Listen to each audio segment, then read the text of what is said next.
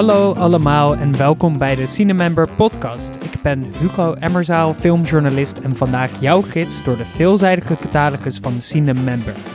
In elke aflevering hou ik in nog geen 15 minuten de keuzestress bij je weg over welke films je thuis zou kunnen kijken en daarbij licht ik ook nog uit welke nieuwe films op het platform verschijnen. Natalie Portman was nog maar 13 jaar oud toen ze naast Jean Reno debuteerde in de misdaadhitfilm Leon the Professional. Nog altijd de beste film van de Franse regisseur Luc Besson.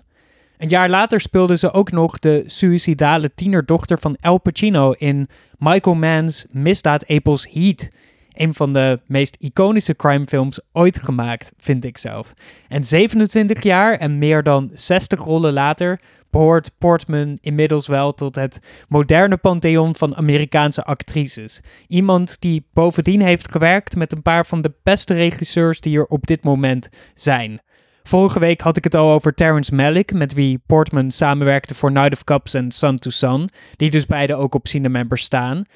Maar andere regisseurs waar Portman mee werkte zijn, en ik noem er echt nu maar wat, Wes Anderson, Darren Aronofsky, Wong Kar-wai, Alex Garland en zelfs George Lucas voor de prequels van de Star Wars saga.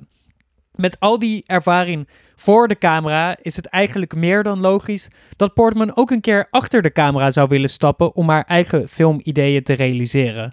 Want er zijn natuurlijk meer dan genoeg bekende acteurs die jaar voor zijn gegaan in de transitie van filmster naar topregisseur. Van Danny DeVito tot Angelina Jolie. Om niet te spreken van Clint Eastwood natuurlijk, die zijn hele leven heeft gewijd aan iconische films voor de camera en vanuit de regiestoel maken. Het heeft daarom wel wat historische waarde om op Cinemember te kijken naar de omnibusfilm New York I Love You uit 2008, waarin allerlei regisseurs een korte film maken die zich afspeelt in de Amerikaanse grote metropool The Big Apple. En Portmans regiedebuut zit daar ook tussen. Een klein verhaaltje eigenlijk over een Hasidische vrouw die in het diamantendistrict van New York zaken doet met een Indiase man voordat zij gaat trouwen. Portman regisseert en speelt ook de hoofdrol. Iets wat we haar dus ook zien doen in haar landen speelfilmdebuut, die pas eigenlijk jaren later in 2015 uitkwam. En die ambitieuze historische biografiefilm is waar deze aflevering van vandaag eigenlijk over gaat. Portman, geboren in Israël en op haar derde naar Amerika verhuisd, besloot namelijk om A Tale of Love and Darkness, de autobiografische roman van de Israëlische schrijver Amos Oz, te verfilmen een monumentale taak zou je kunnen zeggen, want ons boek is tegelijkertijd een coming-of-age verhaal van de schrijver zelf en van de staat van Israël, die pas drie jaar na de geboorte van de auteur werd gevormd in 1948. En naast een verhaal over Amos Os zelf gaat het ook nog eens vooral over zijn moeder Fania Moesman, die als een Joodse vrouw uit Oost-Europa in 1933 naar Palestina vluchtte. Haar leven daar werd gekenmerkt door haar slechte mentale gezondheid. Voesman had een bipolaire stoornis en gedraagde zich volgens Amos daardoor soms op onverklaarbare en hele intense manieren. Toen Portman het boek las, zag ze het meteen voor zich. Een biografiefilm over Amos en zijn moeder, wat ook een metafoor kon zijn voor de complexe totstandkoming en ontwikkeling van de staat van Israël zelf. Ze schreef Amos Os aan, die blij was dat de regisseur buiten Israël zich ook aan het materiaal wou wagen. En dat het ook nog eens een vrouwelijke regisseur zou zijn die dieper in het leven van Amos' moeder ging duiken. Vanuit de zijlijn keek de schrijver dus mee hoe Portman het scenario ontwikkelde, volledig in het Hebreeuws trouwens. De schrijver scheen alleen maar bij te springen als uit de hand gelopen fact-checker eigenlijk, die de juiste chronologie van gebeurtenissen in de gaten hield.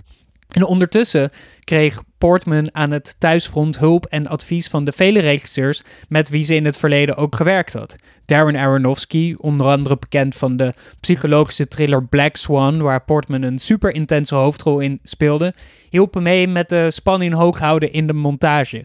En Terrence Malick, toch een beetje de hoffilosoof van de moderne cinema, kwam met quasi-tegeltjeswijsheden als Verf de film vanuit je eigen leven, want jij verft vanuit jouw perceptie op de wereld. Een sentiment dat ook ergens door de bestseller-auteur Amos Oz dus zelf werd gedeeld. Het boek bestaat al, zei hij tegen Portman. Probeer dus niet het boek te filmen, maak er jouw eigen werk van. En dat resultaat kan je dus sinds deze week op Cinemember zien.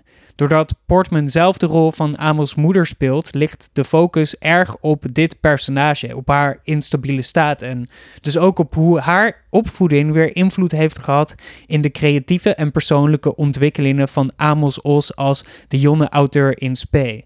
En zo sluit A Tale of Love and Darkness zich aan bij een rijke traditie aan films die gaan over auteurs en de daad van schrijven.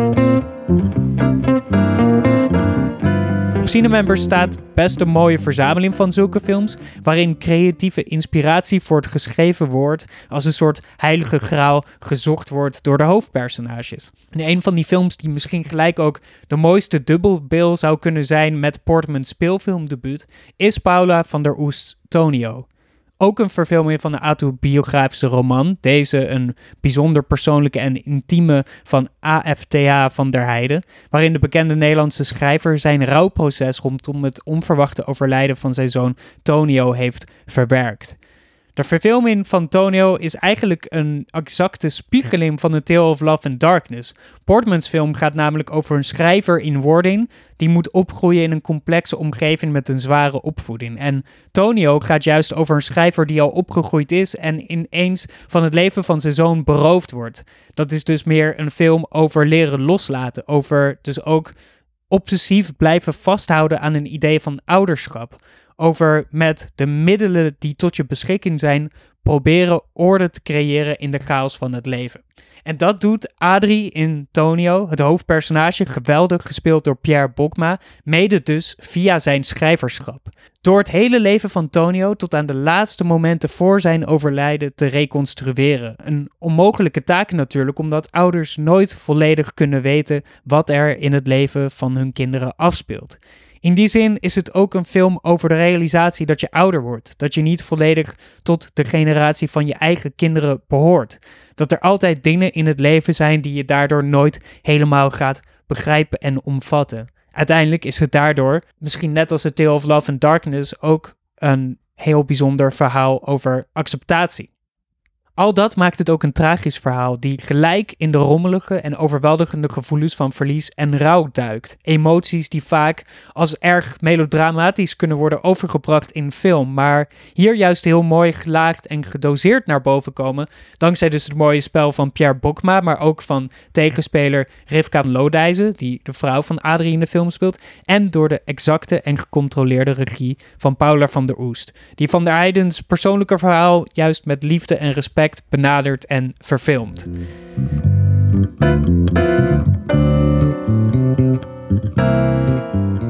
Maar ja, misschien ben je op dit moment helemaal niet op zoek naar een verfilming van een diep melancholische requiem-roman in de eigen woorden van Van der Heijden. Maar spreekt het thema van de schrijver in de film je wel aan? Ondanks dat ik het ook al over het heel gewaagde en bijzonder fascinerende Shirley. Over de befaamde en beruchte Amerikaanse horrorauteur Shirley Jackson. En die en nog allerlei andere boeiende films over auteurs, schrijvers, dichters en andere woordkunstenaars vind je dus gewoon op Cinemember. Eentje die ik zelf nog wil uitlichten vanuit mijn eigen persoonlijke interesse is Trumbo. Wat een super interessante biografiefilm slash cursus filmgeschiedenis is over de Amerikaanse filmindustrie net na de Tweede Wereldoorlog. Het hoofdpersonage daarin is Dalton Trumbo, gespeeld door Brian Cranston. Hij is een van de grote filmscenaristen, bekend van onder andere Roman Holiday en Spartacus, die in het paranoïde Koude Oorlog systeem van Amerika op de zwarte lijst belanden van mensen in de filmindustrie met sympathieën voor het communisme. Wat bijna dus een strop om Trumbo's carrière deed. Maar de grap is dat Trumbo onder een pseudoniem bleef schrijven en alsnog twee Oscars voor beste scenario in de wacht wist te slepen. Wat dus zo ook een krachtig statement werd over de absurditeit en de hypocrisie van de ideologie van Hollywood en de filmindustrie in die tijd. Trumbo dus een bijzonder fascinerend verhaal om in te duiken. Daarnaast zijn er ook nog twee nieuwe films op Cinemember verschenen. Van een totaal alle andere categorie die ik toch even wil noemen. Omdat ze ook een interessante thematische overlap hebben. Er is namelijk The Viceroy's House van Gorinder Chatta en Horse Laloy van Rashid Bouchareb. Twee films over de onafhankelijkheidsstrijd van landen, respectievelijk in India, waar dat ongeveer 74 jaar geleden gebeurde, en Algerije. En al die nieuwe films staan natuurlijk naast de rest van de Cinemember catalogus op de homepage van Cinemember, die je natuurlijk vindt op cinemember.nl of cinemember.be. Op de ontdekkenpagina kan je dan ook gelijk je eigen filmselecties maken.